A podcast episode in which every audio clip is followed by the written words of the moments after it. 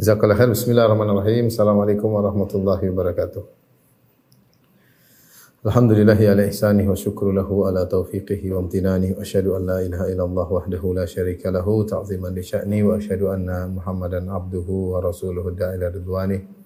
Allahumma salli alaihi wa ala alihi wa ashabihi wa ikhwani. Hadirin hadirat yang dirahmati oleh Allah Subhanahu wa taala.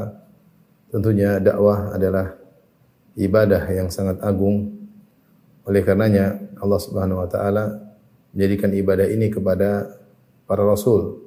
Seluruh rasul tugas mereka adalah berdakwah di jalan Allah Subhanahu wa taala, mendakwakan, mendakwakan tauhid kepada manusia dan agar manusia meninggalkan kesyirikan uh, menyekutukan Allah Subhanahu wa taala. Kemudian ibadah ini ibadah dakwah ya. Uh, pahalanya pun sangat cepat ya karena dia seperti sistem MLM ya. Siapa yang uh, mendengar atau menyambut dakwah kemudian beramal maka bagi si pendakwah juga mendapatkan pahala dari orang tersebut. Dan jika orang tersebut mendakwahkan lagi kepada yang berikutnya dan berikutnya maka sang pendakwah terus mendapatkan uh, pahala. Maka di antara pahala yang paling cepat untuk didapati oleh seorang adalah dengan dengan dakwah ya Uh, kata Rasulullah SAW, man dalla ala khairin falahu mislu ajri fa'ilihi. Siapa yang menunjukkan pada kebaikan, maka bagi dia pahala seperti orang yang mengamalkannya. Dan Allah Subhanahu wa taala menjadikan umat ini umat yang terbaik. Di antaranya karena berdakwah. Ya. Kuntum khairu ummatin ukhrijat linnas ta'muruna bil ma'rufi wa tanhauna 'anil munkar wa tu'minuna billah. Kalian adalah umat terbaik yang dikeluarkan oleh Allah bagi manusia ya. Ta'muruna bil ma'ruf wa tanhauna 'anil munkar. Kalian menyuruh kepada kemungkaran dan mencegah dari kalian menyuruh kepada yang ma'ruf dan mencegah dari kemungkaran. Di antara sifat uh, khairul ummah, umat terbaik adalah beramar ma'ruf dan bernahi munkar dan itulah berdakwah di jalan Allah Subhanahu wa taala. Oleh karenanya pengikut sejati Nabi Muhammad sallallahu alaihi wasallam adalah yang ikut berdakwah di jalan Allah Subhanahu wa taala dengan berbagai uh, kesempatan yang bisa mereka lakukan. Kata Allah Subhanahu wa taala surat Yusuf, "Qul hadhihi sabili ad'u ila Allah ala basiratin ana wa man ittaba'ani wa subhanallah wa ma ana minal musyrikin." Katakanlah wahai Muhammad, hadhihi sabili. Ini adalah jalanku. Ad'u ila Allah, aku menyeru kepada Allah Subhanahu wa taala. Ala basiratin di atas ilmu. Ana wa man. Aku dan pada pengikutku menyeru di jalan Allah. Fa subhanallah ma ana minal musyrikin. Maha suci Allah dan bukanlah aku termasuk dari orang-orang yang syirik. Ayat ini menunjukkan bahwasanya pengikut sejati Nabi Muhammad SAW ikut menyeru di jalan Allah. Entah sebagai pembicara, entah sebagai donatur, entah sebagai eh, penyokong apa pun ikut menyeru di jalan Allah Subhanahu wa taala. Nabi motivasi kata Nabi sallallahu alaihi wasallam balighu anni walau ayah. Sampaikanlah dariku meskipun uh, satu ayat Rasulullah SAW mengatakan nadarallahu ra'an sami'a maqalati ya. Fawa'aha thumma uh, addaha kama sami'a rubba sami'in farubba uh, muballaq au aminas sami' atau kama qala Nabi sallallahu alaihi wasallam. Nabi sallallahu alaihi wasallam semoga Allah menjadikan berseri wajah orang yang mendengar perkataanku kemudian dia menghafalkannya kemudian dia menyampaikan sebagaimana dengar ya Betapa banyak orang yang disampaikan lebih paham daripada yang menyampaikan. Itu Rasulullah SAW motivasi agar dakwah tersebar. Oleh karenanya, sampai Rasulullah SAW menyuruh para sahabat sebagian keluar dari kota Madinah untuk berdakwah. Seperti Rasulullah SAW mengutus Mu'ad bin Jabal untuk pergi keluar dari kota Madinah. Kita tahu kota Madinah, fadilahnya luar biasa. Tinggal di kota Madinah, sholat di Masjid Nabawi, tinggal di tanah suci. Tapi ada kemaslahatan dakwah. Maka Rasulullah SAW menyuruh uh, Muaz bin Jabal, Abu Musa al-Asy'ari untuk pergi ke negeri Yaman meninggalkan tanah suci demi untuk berdakwah. Dan sebagian sahabat pun demikian. Mereka keluar dari kota Madinah untuk berdakwah di jalan Allah Subhanahu wa taala. Karena dakwah adalah wazifatur rusul, itulah kegiatan dan pekerjaan para rasul semuanya adalah berdakwah di jalan Allah Subhanahu wa taala. Uh, nah, pada kesempatan kali ini kita akan bahas tentang bagaimana bisa istiqomah dalam dakwah. Karena berdakwah Eh, butuh istiqomah. Dia amal soleh sebagaimana amal soleh yang lainnya. Eh, sebagaimana amal soleh yang lainnya kita bisa jatuh bangun. Dakwah pun demikian. Bisa jatuh bangun. Istiqomah dalam dakwah, istiqomah dalam ikhlas dalam berdakwah. Istiqomah ketika berdakwah orientasinya adalah akhirat bukan dunia. Tidak semua orang kuat untuk berdakwah. Kita heran makanya ketika membaca kisah Nabi Nuh alaihissalam. Ya. Falabitha fihim alfa sanatin illa khamsina ama. Subhanallah. Nabi Nuh alaihissalam berdakwah 950 tahun dengan semangat yang luar biasa.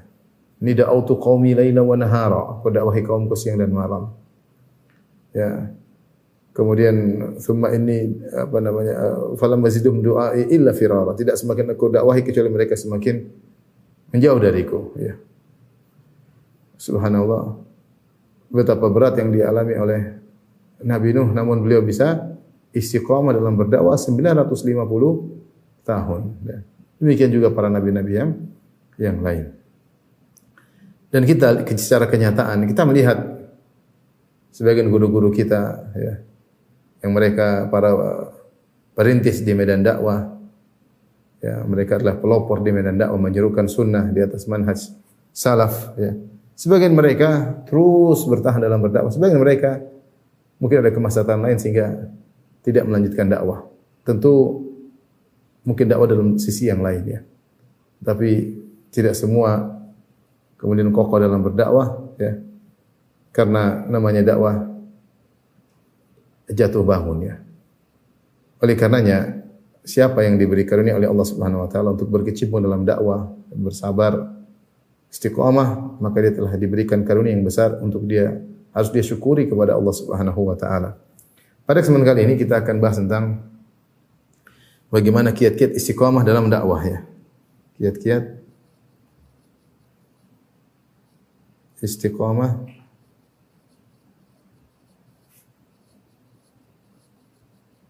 dalam dakwah ya. Sebelum saya menyampaikan hal ini, perlu diingat bahwasanya dakwah adalah bagian atau cara untuk istiqamah. Dakwah adalah cara untuk istiqamah. Di antara cara agar ya Ustaz bagaimana cara kita untuk istiqamah? Caranya kau berdakwah. Dengan dakwah kau mengingatkan orang, dengan dakwah kau mengingatkan dirimu sendiri, tapi harus tulus. Agar kau bisa istiqamah dalam beramal soleh. Agar kau bisa istiqamah dalam meninggalkan maksiat. Di antaranya berdakwah. Sebagai apa pun engkau, sebagai pembicara, sebagai donatur, sebagai tukang iklan, sebagai panitia. Karena orang yang berdakwah dibantu oleh Allah untuk istiqomah. Karenanya ayat-ayat banyak terkait dengan istiqomah, terkait dengan dakwah. Seperti firman Allah Subhanahu wa taala, "Falidzalika fad'u wastaqim kama umirt wa la tattabi ahwa'ahum." Kata Allah Subhanahu wa taala, "Falidzalika fad'u" oleh karenanya berdakwahlah wastaqim kama umirt dan istiqomahlah sebagaimana engkau diperintahkan wala tattabi ahwaahum dan janganlah engkau mengikuti hawa nafsu mereka. Di sini lihat Allah kaitkan antara fad'u wastaqim, berdakwahlah dan istiqomahlah. Ya. Istiqomah terkait dengan dakwah ya. Istiqomah, dakwah menyebabkan istiqomah dan dakwah juga membutuhkan istiqomah. Ini ayat yang menunjukkan keterkaitan erat antara dakwah dengan istiqomah.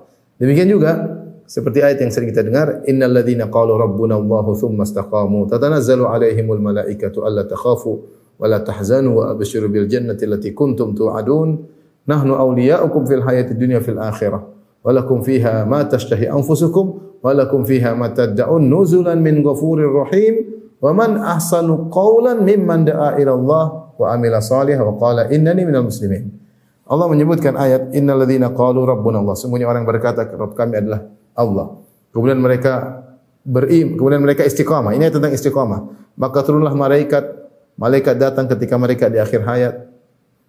Maka malaikat memberi kabar gembira kepada mereka. Malaikat malaikat mengatakan, "Gembiralah kalian mendapatkan surga yang sebagaimana telah kalian uh, dijanjikan. Walakum fiha ma anfusukum di surga apa yang kalian hasratkan Allah berikan. Walakum fiha ma apa yang kalian minta Allah berikan nuzulan min ghafurur rahim sebagai jamuan dari Allah yang Maha Pengampun lagi Maha Penyayang. Kemudian Allah mengatakan apa? Wa man ahsanu qaulan mimman da'a wa amila salihah.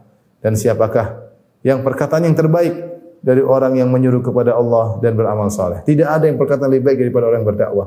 Kenapa orang berdakwah mengingatkan manusia kepada pencipta mereka?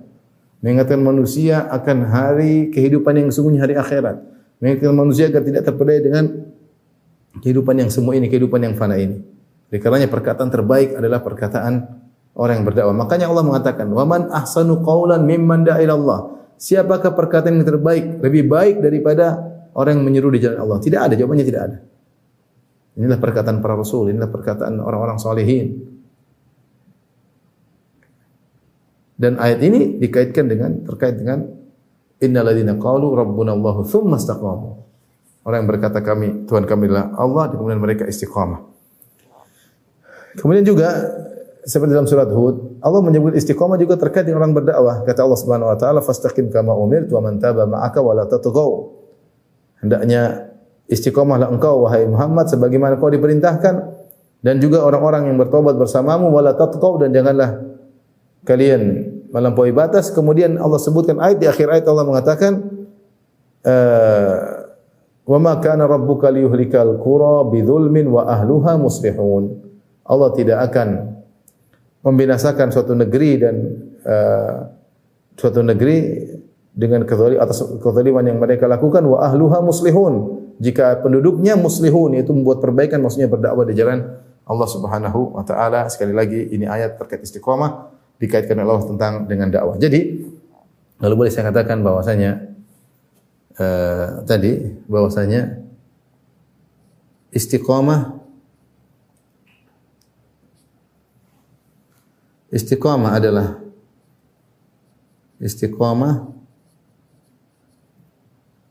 membutuhkan uh, maaf ya.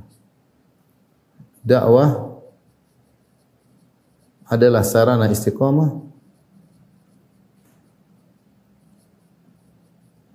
Kemudian selain itu dakwah juga membutuhkan istiqamah.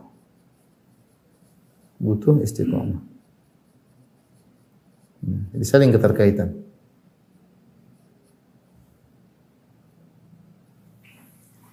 Baik, sekarang kita akan bahas tentang bagaimana kita bisa kiat-kiat kita bisa istiqomah dalam berdakwah di jalan Allah Subhanahu wa taala menempuh ibadah yang sangat agung yaitu ibadah berdakwah di jalan Allah Subhanahu wa taala. Tidak semua orang berkecimpung dalam hal ini. Makanya kita bersyukur kepada Allah jika Allah menggunakan kita untuk ber, ber, ber, dalam rel dakwah, untuk berjalan di jalan dakwah. Karena agama mansur, dinullahi mansur, agama Allah pasti tertolong. Allah akan menolong agamanya dengan orang-orang yang Allah pilih. Kalau kita tidak mau berdakwah, Allah akan gantikan dengan orang lain.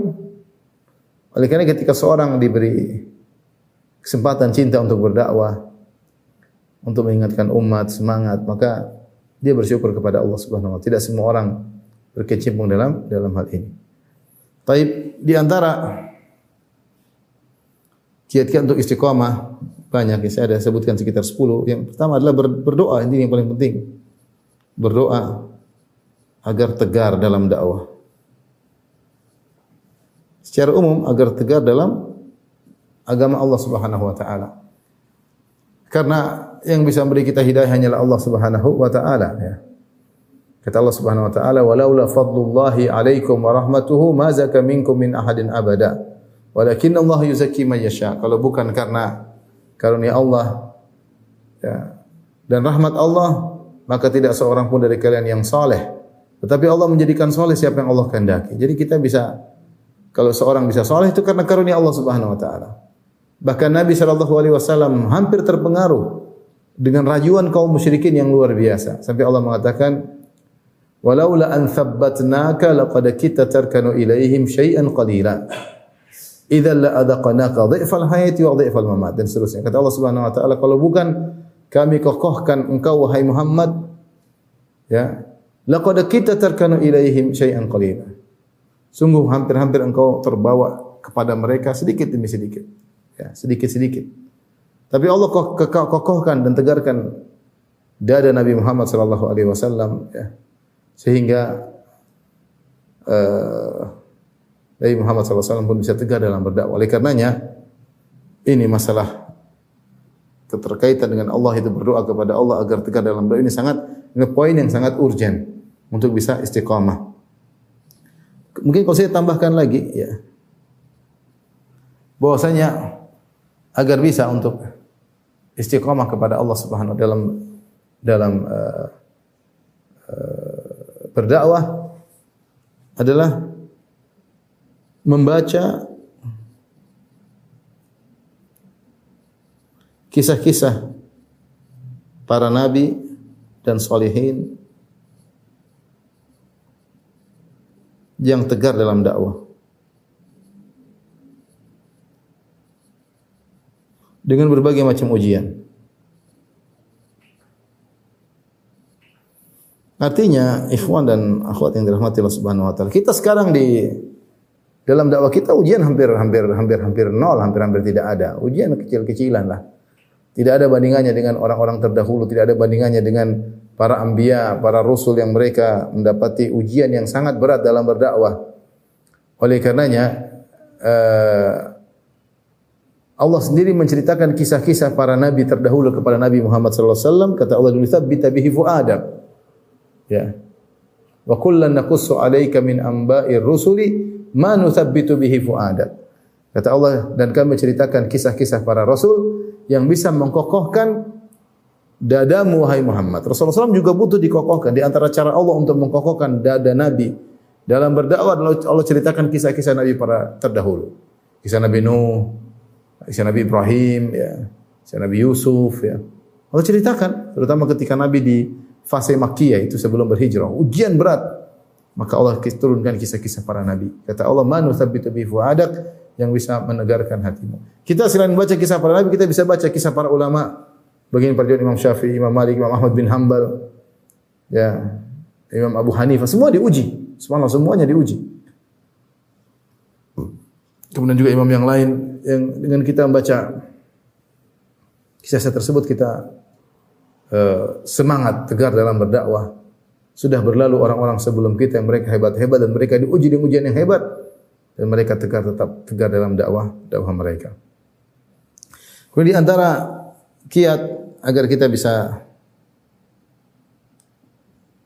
istiqomah dalam berdakwah ya.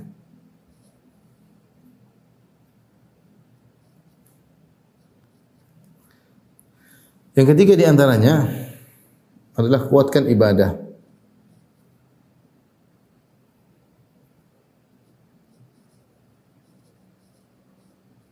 Ibadah terutama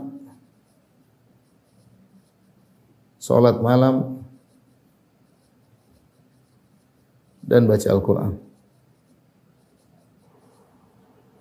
Dai berusaha untuk salat malam. Oleh karenanya di antara uh, Para ulama menamakan surat Al-Muzammil dengan surat Zadud Da'iyah, bekal seorang dai.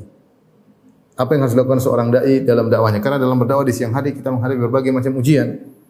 Dan surat Al-Muzammil turun di awal-awal dakwah Nabi di kota Mekah. Allah berfirman, "Ya ayyuhal muzammil qumil laila illa qalila nisfahu aw inqus minhu qalila aw zid 'alaihi wa rattilil qur'ana tartila inna sanulqi 'alaika qawlan thaqila." Dan seterusnya. Wahai yang berselimut, orang yang berselimut ini mulatafah dari Allah. Itu Allah manggil dengan kondisi Nabi SAW menunjukkan kasih sayang Allah wahai yang sedang berselimut. Allah tidak mengatakan ya Muhammad, tapi Allah mengatakan wahai yang sedang berselimut. Qumil laila illa qalila. Salatlah malam kecuali sedikit malam kau tidak salat. Nisfahu wa minqus minhu qalil. Setengah malam atau kurangi sedikit au zid alaihi atau tambahkan sedikit. Wa rattilil Qur'ana tartil. Baca Al-Qur'an dengan tartil, baca Qur'an dengan tadabbur. Ini dua ibadah yang sangat penting. Jangan sampai seorang dai, baik panitia, baik dainya, baik uh, donaturnya semangat berdakwah tapi dia sendiri ibadahnya kurang. Dia sendiri ibarat lilin yang menerangkan orang lain dia sendiri terbakar. Maka peringatan bagi diri saya pribadi juga para orang yang berkecimpung dalam bidang dakwah, bidang dakwah jangan lupa kita butuh charger iman kita di malam hari. Di antaranya dengan uh, malam meskipun tiga rakaat berkhulwat dengan Allah Subhanahu wa taala kecuali ada uzur sakit kayak apa kayak ya. Kalau tidak ada uzur seorang berusaha tidak meninggalkan salat salat malam. Baca Al-Qur'an. Baca Al-Qur'an. Ya. Kita mendapati para ulama kita seperti Syekh Abdul Razak saya lihat kuat dalam baca Al-Qur'an, kuat sekali dalam baca Al-Qur'an. Ya. Oleh karenanya eh, inilah yang bantu seorang charger iman Allah berikan kekuatan bagi seorang untuk bisa tegar dalam berdakwah karena di siang hari dia akan menghadapi berbagai macam ujian cacian, tuduhan, uh, gangguan mungkin secara mental maupun fisik. Kalau dia tidak dicharger imannya di malam hari dia nggak kuat menghadapi itu semua. Dia bisa berubah berpaling, bisa berubah haulan, haluan. Dia bisa berubah haluan, dia bisa bergabung dengan ahlul batil, bisa. Sangat bisa. Akidahnya bisa goncang. Terpedaya dengan jumlah yang banyak, bisa saja. Tidak ada yang bisa jamin. Oleh karenanya seorang ketika berkecimpung dalam medan dakwah dia mengkuatkan imannya dengan perbanyak ibadah ya. Di antaranya salat malam dan uh, membaca Al-Qur'an. Kemudian di antaranya yang ingin berkecimpung dalam medan dakwah keempat hendaknya belajar akidah yang benar. Akidah salaf dan kenali akidah yang menyimpang. Dan bantahannya. Ini penting sekali, terutama di zaman sekarang. Kalau dahulu, syubhat tidak sulit untuk tersampaikan karena sarana tidak ada. Ya, artinya kalau mendengar syubhat ya mungkin baca buku halul bidah atau mendengar ceramah mereka langsung. Zaman sekarang syubhat di mana-mana, mau syubhat ateis, mau syubhat liberalis, mau syubhat ahlul bidah, syubhat menolak sifat, syubhat uh, macam-macam, banyak sekali.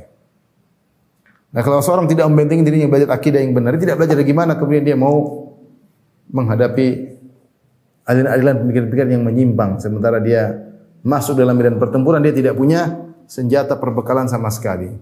Senjata pendakwah adalah ilmu yang benar. Belajar akidah yang benar. Akidah yang benar. Subhanallah, betapa sedih ketika saya sebagian kawan-kawan dahulu, sebagian kecil, sedikit ya. Kemudian berubah haluan. Karena tidak punya kematangan ilmu, mungkin tidak bersandar kepada Allah. Karena kematangan ilmu tidak cukup, harus bersandar kepada Allah Subhanahu wa taala. Kemudian mendengar syubhat, bergaul dengan ahli syubhat, akhirnya terpengaruh dan menjadi bagian dari mereka sehingga tidak pernah lagi membahas akidah salaf. Akidah salaf disampingkan. Oleh karenanya ini penting bagi kita karena kita manusia. Terkadang kita latah ketika melihat jumlah yang banyak. Kemudian kita merasa kita salah yang benar mereka yang banyak. Ya. Padahal dalam Al-Quran banyak sekali Allah ingatkan wa in tuti' aktsara man wa in tuti' aktsara man fil ardi sabilillah. Jika kau mengikuti kebanyakan manusia, mereka akan menyesatkan kau dari jalan Allah Subhanahu wa taala. Mayoritas bukan ukuran kebenaran. Ya. Mayoritas bukan ukuran kebenaran. Kalau mayoritas ukuran kebenaran, orang kafir lebih banyak daripada orang Islam. Ya. Mayoritas bukan ukuran kebenaran. Ya, mayoritas dari orang tidak sholat lebih banyak daripada yang sholat. Mayoritas repot.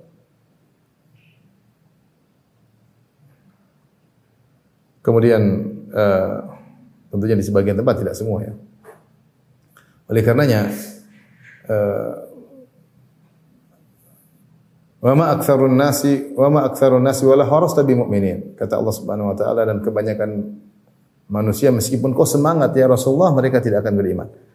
Namun kita latah ketika jumlah banyak. Mungkin kita sulit di sana diusir, di sana dilarang. Akhirnya kita terpengaruh. Jangan-jangan mereka yang benar, kita yang salah. Ya. Masyarakat senang ya. Itu bukan ukuran, ukuran adalah dalil. Untuk bisa membedakan ini benar atau ini salah, mengenali al-haq dan mengenali kebatilan, belajar. Kalau nggak belajar nggak bisa. Belajar dan bertawakal kepada Allah. Belajar, yang penting belajar. Ini sudah dikabarkan oleh Muad bin Jabal. Muad bin Jabal berkata, Inna min waraikum fitanan yakthuru fihal mal. Sungguhnya di belakang kalian nanti akan ada banyak fitnah-fitnah. Ya, Eh, dan banyak harta ketika itu. Yuftahu fiha al-Qur'an hatta ya'khudhahu al-mu'min wal munafiq wa rajul wal mar'atu was saghir wal kabir wal abdu wal hur.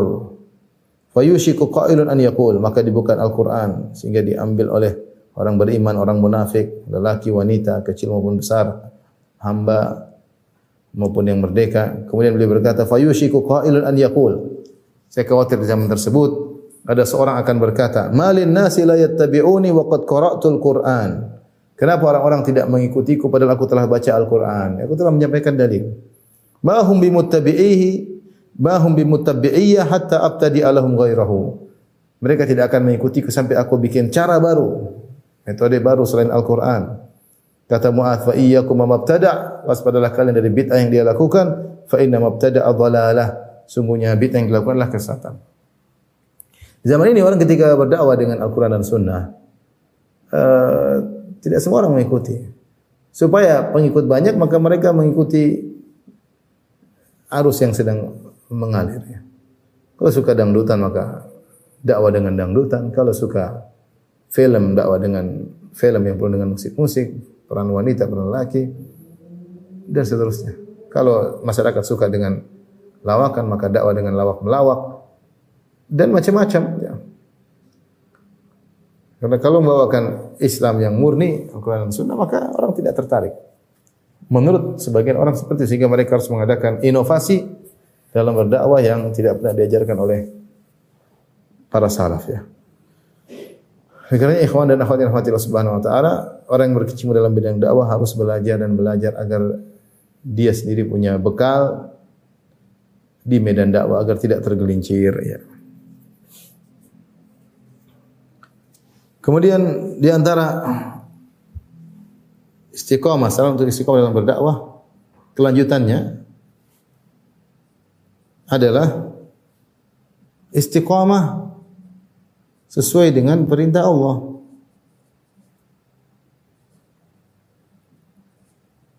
Ini datang dalam dua ayat. Kata Allah, "Fastaqim kama umirt."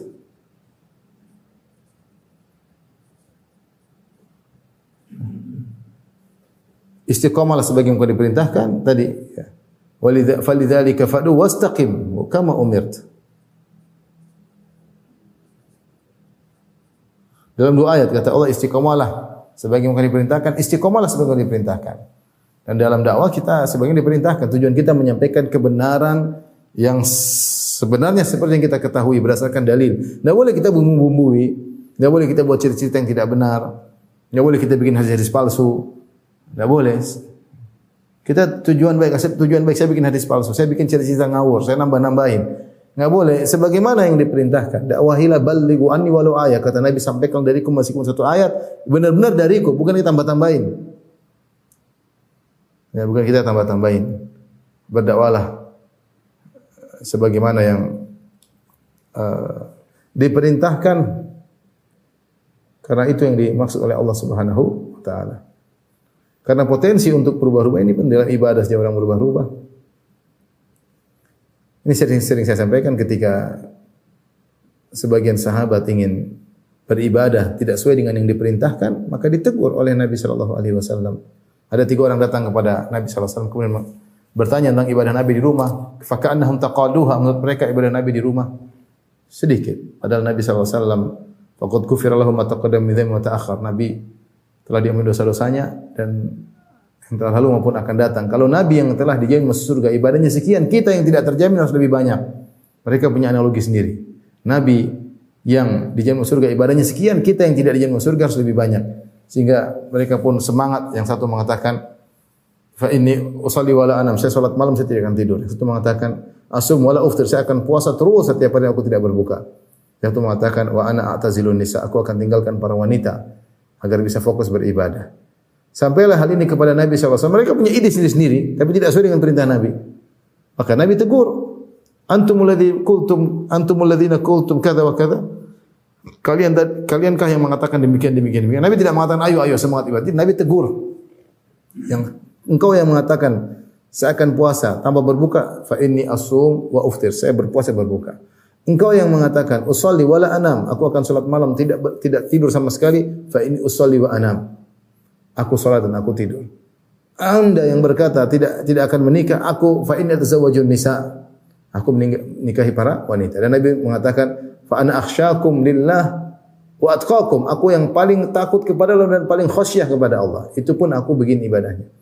Maka Rasulullah SAW tegur mereka ketika ibadah mereka berlebihan di luar dari yang diperintahkan oleh Allah Subhanahu wa taala. Sebagaimana kisah masyhur juga antara Salman Al-Farisi dengan Abu Darda ketika Salman datang ke Abu Darda, ternyata Abu Darda ibadahnya kebanyakan sehingga istrinya tidak diperhatikan. Salat malam, puasa sunnah.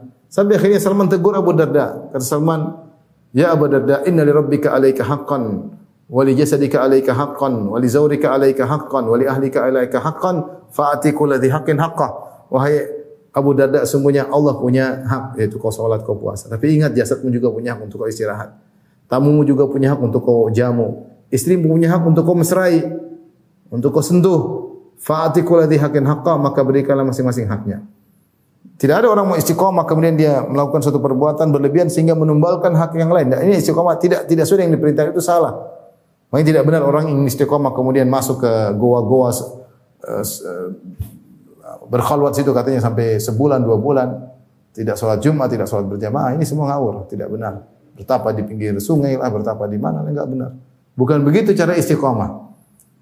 Nabi dan para sahabat tidak pernah melakukannya. Fastaqim kama umirt. Istiqamalah sebagaimana kau diperintahkan. Demikian dalam berdakwah. Berdakwahlah sebagaimana kau diperintahkan. Dakwah tauhid. Ya. Bukan ada kesyirikan malah ikut-ikutan. Berdakwahlah sebagaimana diperintahkan. Adu'u ila Allah, aku menyuruh kepada Allah.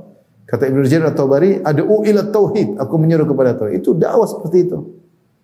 Bukan dakwah orang yang menyembelihkan tauhid. Ya. Bahkan saya, saya, saya, saya, saya boleh katakan ya, tidak ada ya kelompok yang betul-betul istiqamah dalam menyerukan tauhid, mengingatkan orang dari kesyirikan dan berbagai macam modelnya kecuali ahlu sunnah wal jamaah. Yang orang bilang salafiyun. Ya. Subhanallah. Menjelaskan tahu secara detail, menjelaskan syirik secara detail untuk dijauhi. Tidak serta merta mengikuti keinginan masyarakat. Bukan malah membela-bela kesyirikan. Oh, enggak apa-apa, ini tradisi ini. Enggak, enggak. Kita dakwah sebagaimana diperintahkan Bukan kita dakwah seenaknya kita, bukan kita dakwah mengikuti ke kesenangan masyarakat. Ya enggak, ya. Maka kalau mau tegar istiqomah dalam dakwah sebagaimana yang Allah perintahkan. Kemudian di antara saran untuk istiqomah atau kiat-kiat agar bisa istiqomah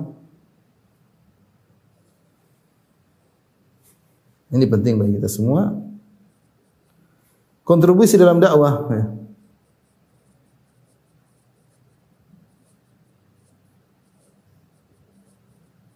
Apa pun juga, apa pun ya, apa saja, apa yang bisa, apa yang memungkinkan.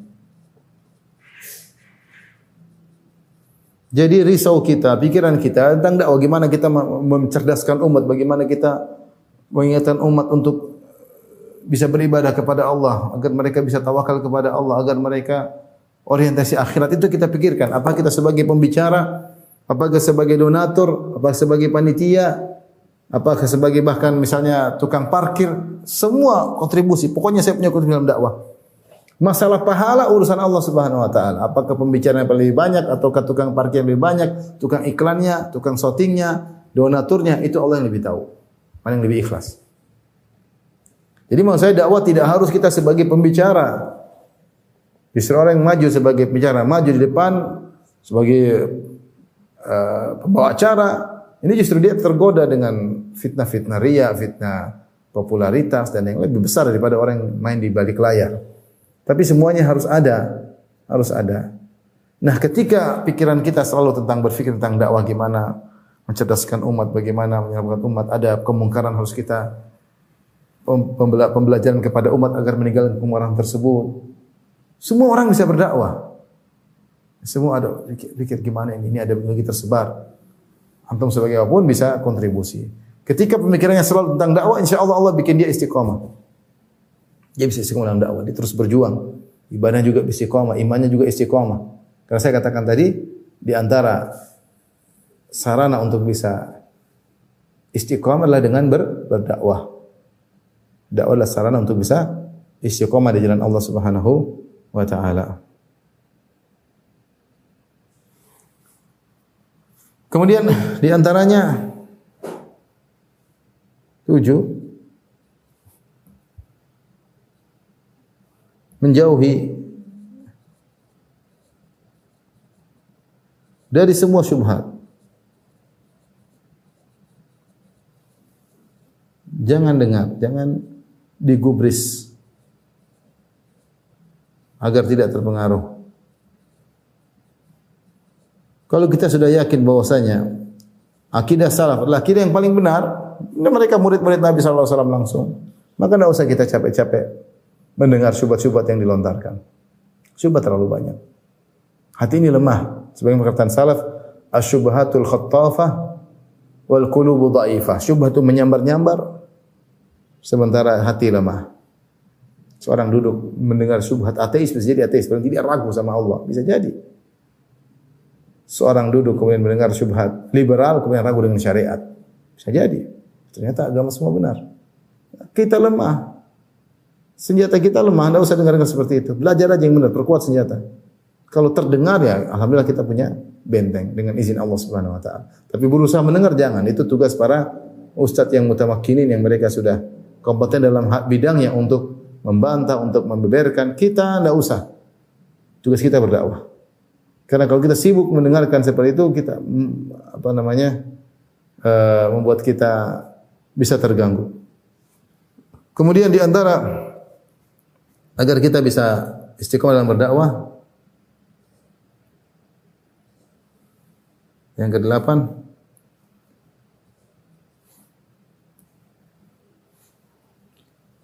tidak selalu respon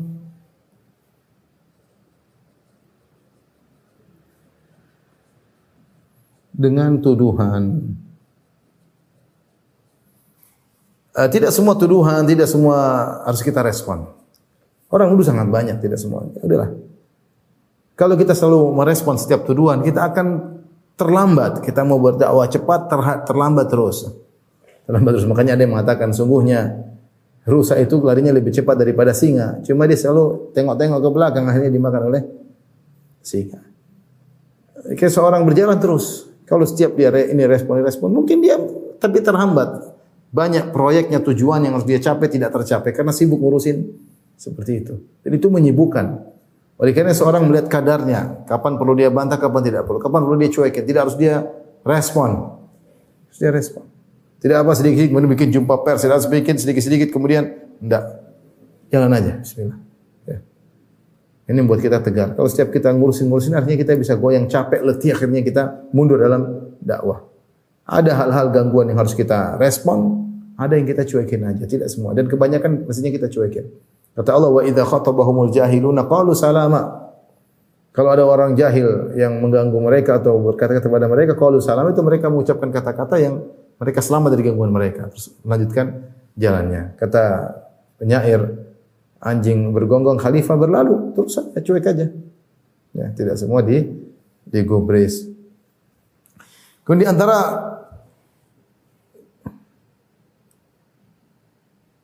kiat agar kita tegar dalam berdakwah ini yang paling penting alam bisawab menurut saya adalah ikhlas kepada Allah Subhanahu wa taala. bahwasanya dakwah kita adalah menuju Allah. Bukan untuk pribadi, bukan untuk yayasan, untuk bukan untuk sekolah, bukan untuk organisasi, bukan. Kita benar-benar menyeru jalan Allah Subhanahu wa taala. Makanya uh, Allah berfirman dalam surat Fussilat ayat 6, "Annama ilahukum ilahu wahidun fastaqimu ilaih." Kata Allah, "Annama ilahukum ilahu wahidun bahwasanya Tuhan kalian adalah Tuhan yang esa, fastaqimu ilaihi maka istiqomalah kepada Tuhan tersebut. Ketika Syekh Sa'di menafsirkan ayat ini beliau mengomentari kata beliau tanbihun ala ikhlas. Ini istiqomah harus ikhlas. Kalian perhatikan perhatikan. Annama ilahukum ilahu wahidun fastaqimu ilaihi. Kalau kau istiqomah ikhlas. Istiqomahlah menuju Allah. Bahwasanya tidak ada Tuhan yang berhak disembah kecuali Allah, maka istiqomahlah kepadanya. Istiqomah harus ikhlas. Kata kata Syekh Sa'di atau Sa'di rahimahullah taala tanbir al-ikhlas wa anal amila yanbaghi lahu an yaj'ala maqsudahu an yaj'ala maqsudahu wa ghayatahu allati ya'malu li ajliha al-wusul ila Allah. Ini peringatan untuk ikhlas. Hendaknya orang yang sedang beramal dalam dakwah dan yang lainnya, hendaknya dia menjadikan tujuannya puncak goyahnya tujuannya yang dia beramal karenanya adalah untuk menuju kepada Allah Subhanahu wa taala wa ila dari karamati agar bisa sampai kepada uh, surga Allah Subhanahu wa taala. Fabidzalika yakunu amalu khalisan salihan nafi'an. Kalau sudah demikian dia ikhlas maka amalnya menjadi ikhlas, jadi amal saleh dan bermanfaat. Wa bi fawatihi yakunu amaluhu batilan dan kalau ikhlas hilang dari dadanya maka amalnya menjadi batil. Ini penting karena dakwah gangguan untuk tidak ikhlas banyak. Banyak. Entah seorang menyeru karena dirinya, menyeru pada yayasannya, menyeru pada kelompoknya. Sehingga dia mulai menjatuhkan yang lain, tidak menghargai yang lain. Ini ini contoh orang dakwahnya tidak ikhlas karena dia berdakwah untuk dirinya bukan untuk yang lain. Kalau orang yang maju dia tidak suka, ada orang yang lebih pintar dia tidak suka. Hati-hati. Dan ini juga disampaikan oleh Syekh Muhammad bin Wahab rahimahullahu taala ketika mengomentari firman Allah, "Qul hadhi sabili ad'u ila Allah ala basiratin ana wa man ittaba'ani." Wa subhanallah ma'ana musyrikin. Katakanlah, ini adalah jalanku aku menyeru kepada Allah Subhanahu wa taala. Adu ila Allah, aku menyeru kepada Allah. Dakwah itu kepada Allah. Kata Syekh Muhammad bin Wahab rahimahullahu taala, ya. Ini tanbih alal ikhlas, peringatan untuk ikhlas. Kenapa? Kata beliau, lianna kathiran wa in kana yad'u ila al-haq wa huwa yad'u ila nafsihi. Karena banyak orang meskipun menyeru kepada kebenaran, dia juga menyeru kepada dirinya. Yang disampaikan Al-Quran dan Sunnah, tapi ternyata di balik itu dia menyeru kepada dirinya. Harus sama saya, jangan sama yang lain. Ya. Meskipun dia menyeru kepada tauhid Al-Quran Sunnah, tapi dia ternyata menyeru kepada yayasannya. Kalau bukan yayasannya musuh, sama yayasannya teman. Meskipun dia menyeru kepada al-haq namun ternyata menyeru kepada pondoknya. Ini tidak tidak benar semuanya. Kita menyeru kepada Allah. Menyeru kepada kepada Allah. Menyeru kepada Allah. Ikhlas kepada Allah Subhanahu wa taala. Jangan menyeru pada ini syaitan sangat mudah menggigit menggigitkan niat kita ternyata. Ngaku-ngaku berdakwah ikhlas ternyata menyuruh orang untuk kepada kita ya, pada golongan kita, pada organisasi kita, kepada pondok kita, pada diri kita. Ini semua tidak ikhlas. Meskipun disampaikan al-haq. Apalagi sudah tidak ikhlas, kemudian disampaikan kebatilan. Ini lebih parah, parah lagi. Ya. Kemudian di antara uh, kiat agar bisa bisa tegar dalam dakwah ini juga sangat penting adalah tawakal kepada Allah dalam dakwah. Jangan bertawakal kepada kecerdasan kita, tawakal kepada hafalan kita, tawakal kepada donasi kita. Enggak. Tawakal sama Allah Subhanahu wa taala. Kita ini siapa sih? Allah yang mudahkan dakwah kita, Allah yang mau menjadikan orang mendengar dakwah kita, Allah yang semuanya Allah Subhanahu wa taala. Itu para anbiya mereka bertawakal. Ya. Wa ma lana alla natawakkala 'ala Allah wa qad hadana subulana. Kenapa kita tidak bertawakal kepada Allah sementara Allah telah memberikan petunjuk kepada kami? Wala nasbiranna ala ma adaitumuna. Sungguh kami akan bersabar atas gangguan kalian, terutama kalau kita sedang diganggu. Tawakal kepada Allah. Sebelum kita berusaha mencari sebab-sebab, mungkin ketemu siapa, ketemu siapa, tawakal kepada Allah. Jangan lupa. Kalau kita sholat tawakal, kita haji tawakal, umrah tawakal, dakwah juga tawakal. Tawakal insya Allah Allah mudahkan. Tawakal insya Allah beri petunjuk. Tawakal, tawakal. Agar kita tidak ujub. Ujub ini bahaya sekali. Ujub ini bahaya, bahaya sekali. Tawakal sama Allah. Nabi Nabi Nuh watul alaihim naba Nuh idh qala liqaumihi ya qaumi in kana kabura alaikum maqami wa tadhkiri bi ayatillah fa 'ala Allahi tawakkaltu Kata Nabi Nuh, wahai kaumku, jika kalian merasa berat keberadaanku di tengah kalian dan sikapku memperingatkan kalian dengan ayat-ayat Allah Subhanahu wa kalian merasa berat, aku tawakal kepada Allah. Nabi Nuh bertawakal kepada Allah. Tegar dakwah 950 tahun. Nabi Hud ketika ditakut-takuti, mereka berkata inna qulu illa taraka ba'du alihatina bisu. Bisu. Menurut kami wahai Hud, engkau akan ditimpa musibah, kualat dari sebagian Tuhan-Tuhan kami. Kau akan timpa dengan penyakit gila. Qala inni usyhidullah wa asyhadu anni bari'um mimma tusyrikuna min duni faqiduni jami'an thumma la tunzirun inni tawakkaltu 'ala Allahi rabbi wa rabbikum ma min dabbatin illa huwa akhidhun bi nasiyatiha inna rabbi ala siratim mustaqim. Kata Nabi Hud menjawab ancaman mereka. Dia mengatakan, ini usyidullah, aku menjadikan Allah sebagai saksiku. Wasyhadu dan saksikanlah, aku berlepas dari kalian yang kalian dari kalian dan apa yang kalian syirikan kecuali dari Allah Subhanahu wa taala. Fakiduni jami'an thumma la. Kalau kalian punya rencana buruk, maka lakukanlah kepadaku dan usah tunda-tunda. Inni tawakkaltu 'ala Allah. Aku bertawakal kepada Allah. Ini penting dalam dalam segala kegiatan kita bertawakal dan dalam dakwah juga butuh tawakal. Ada gangguan kita berdoa ya Hafiz, Ifadni. Wahai, wahai yang maha menjaga-jagalah aku. Ya. Wahai penolong, tolonglah aku, tolong hambamu. Baru kita berusaha. Tapi pertama tawakal kepada Allah. Bukan sedikit kemudian jumpa pers lah, apalah. Ya. Tawakal dulu kepada Allah Subhanahu wa taala ya. Sehingga kita tidak tertimpa dengan ujub yang buat orang gugur di tengah jalan kadang-kadang karena sombong atau ujub atau riak yang menimpanya baik dia sadari maupun dia tidak tidak sadari. Kemudian di antaranya agar kita tegar dalam berdakwah jangan lupa evaluasi. Ini penting. Evaluasi.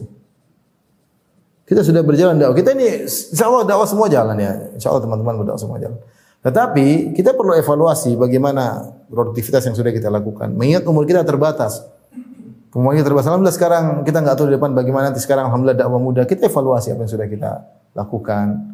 Untuk mengadakan perbaikan agar kita tidak ujub. Alhamdulillah kalau ada perbaikan kita bersyukur kepada Allah Subhanahu wa taala. Dan ingat namanya keberhasilan tidak harus sempurna. Keberhasilan tidak sempurna. Keberhasilan tidak berbanding lurus dengan kesempurnaan. Namanya berhasil kalau ada kemajuan dalam dakwah. Kemajuan tersebut terkait dengan kita sendiri, kita merasa alhamdulillah kita tambah iman, tambah ilmu atau terkait dengan orang yang kita dakwah ya alhamdulillah ada kemajuan kita senang, maka kita bersyukur kepada Allah Subhanahu wa taala. Jadi evaluasi kita evaluasi diri atau evaluasi dengan kawan-kawan, evaluasi bagaimana dakwah kita, mengevaluasi diri. Kalau ada kekurangan kita perbaiki, kita terima masukan. Ini eh, semua adalah uh, agar kita bisa tegar dalam berdakwah. Kalau ada yang kurang bisa kita perbaiki. Itu faedah daripada evaluasi. Kemudian agar kita tegar, perlu teman-teman ya berteman dengan orang-orang soleh ya. Dengan orang-orang yang semangat, berjumpa para pendakwah yang semangat.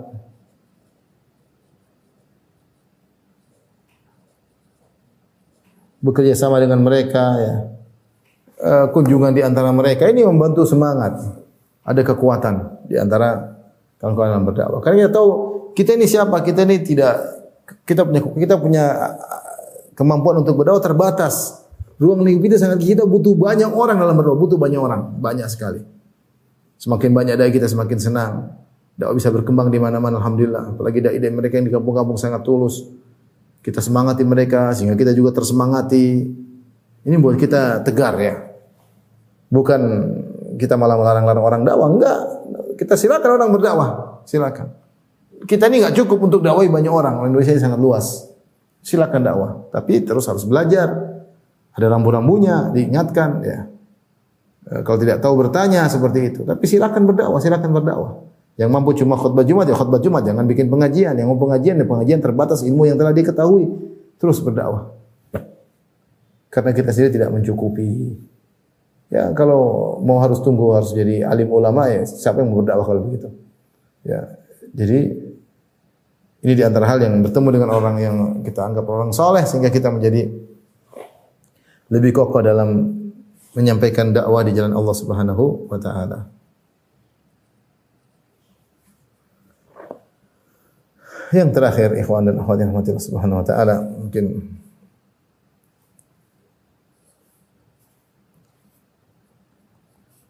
dia berusaha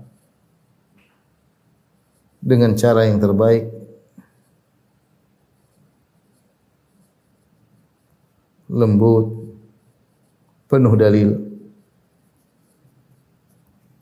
Ini kenapa? Sebagaimana nasihat Syekh Albani rahimahullah taala, dakwah sunnah ini dakwah yang berat. Berat maksudnya apa? Sebenarnya dia ringan, mudah, tidak memberatkan, tapi berat karena menyelisih tradisi. Berat karena menyelisih kebiasaan orang-orang. Berat karena orang-orang sudah meyakini sesuatu mereka tidak ingin di disalah-salahkan. Sehingga berat banyak orang terjun maksiat. Kita bilang ini haram, ini haram. Berat orang dia dibilang haram dia susah, dia gelisah. Oh ternyata ini bilang riba riba haram, bilang musik musik haram, ini bilang ini haram. Ini gelisah. Ini mengatakan khalwat haram, ini mengatakan buka aurat haram. Gelisah ya. Sebenarnya dia dia mudah, cuma menjadi berat ketika bertentangan dengan kebiasaan masyarakat. Oleh karena berat bagi masyarakat, maka hendaknya uslubnya, metodenya pun jangan diberatkan. kata-kata yang lembut, bijak. Tidak mesti kalau ini haram harus teriak-teriak. Tidak. Kadang kita menyampaikan satu haram dengan senyum. Yang penting sampai kepada mereka hukumnya haram ya.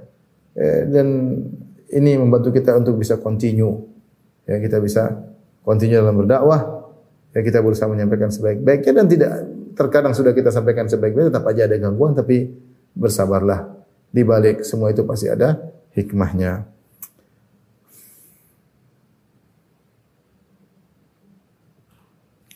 Tapi demikian mungkin ikhwan dan akhwat yang rahmatillah subhanahu wa taala yang saya sampaikan pada kesempatan kali ini semoga bermanfaat bagi diri saya pribadi terutama dan juga pada para pegiat dakwah yang ada. Demikian para dokter sekalian apa yang saya sampaikan, saya maaf. Wabillahi taufiq walhidayah. Assalamualaikum warahmatullahi wabarakatuh.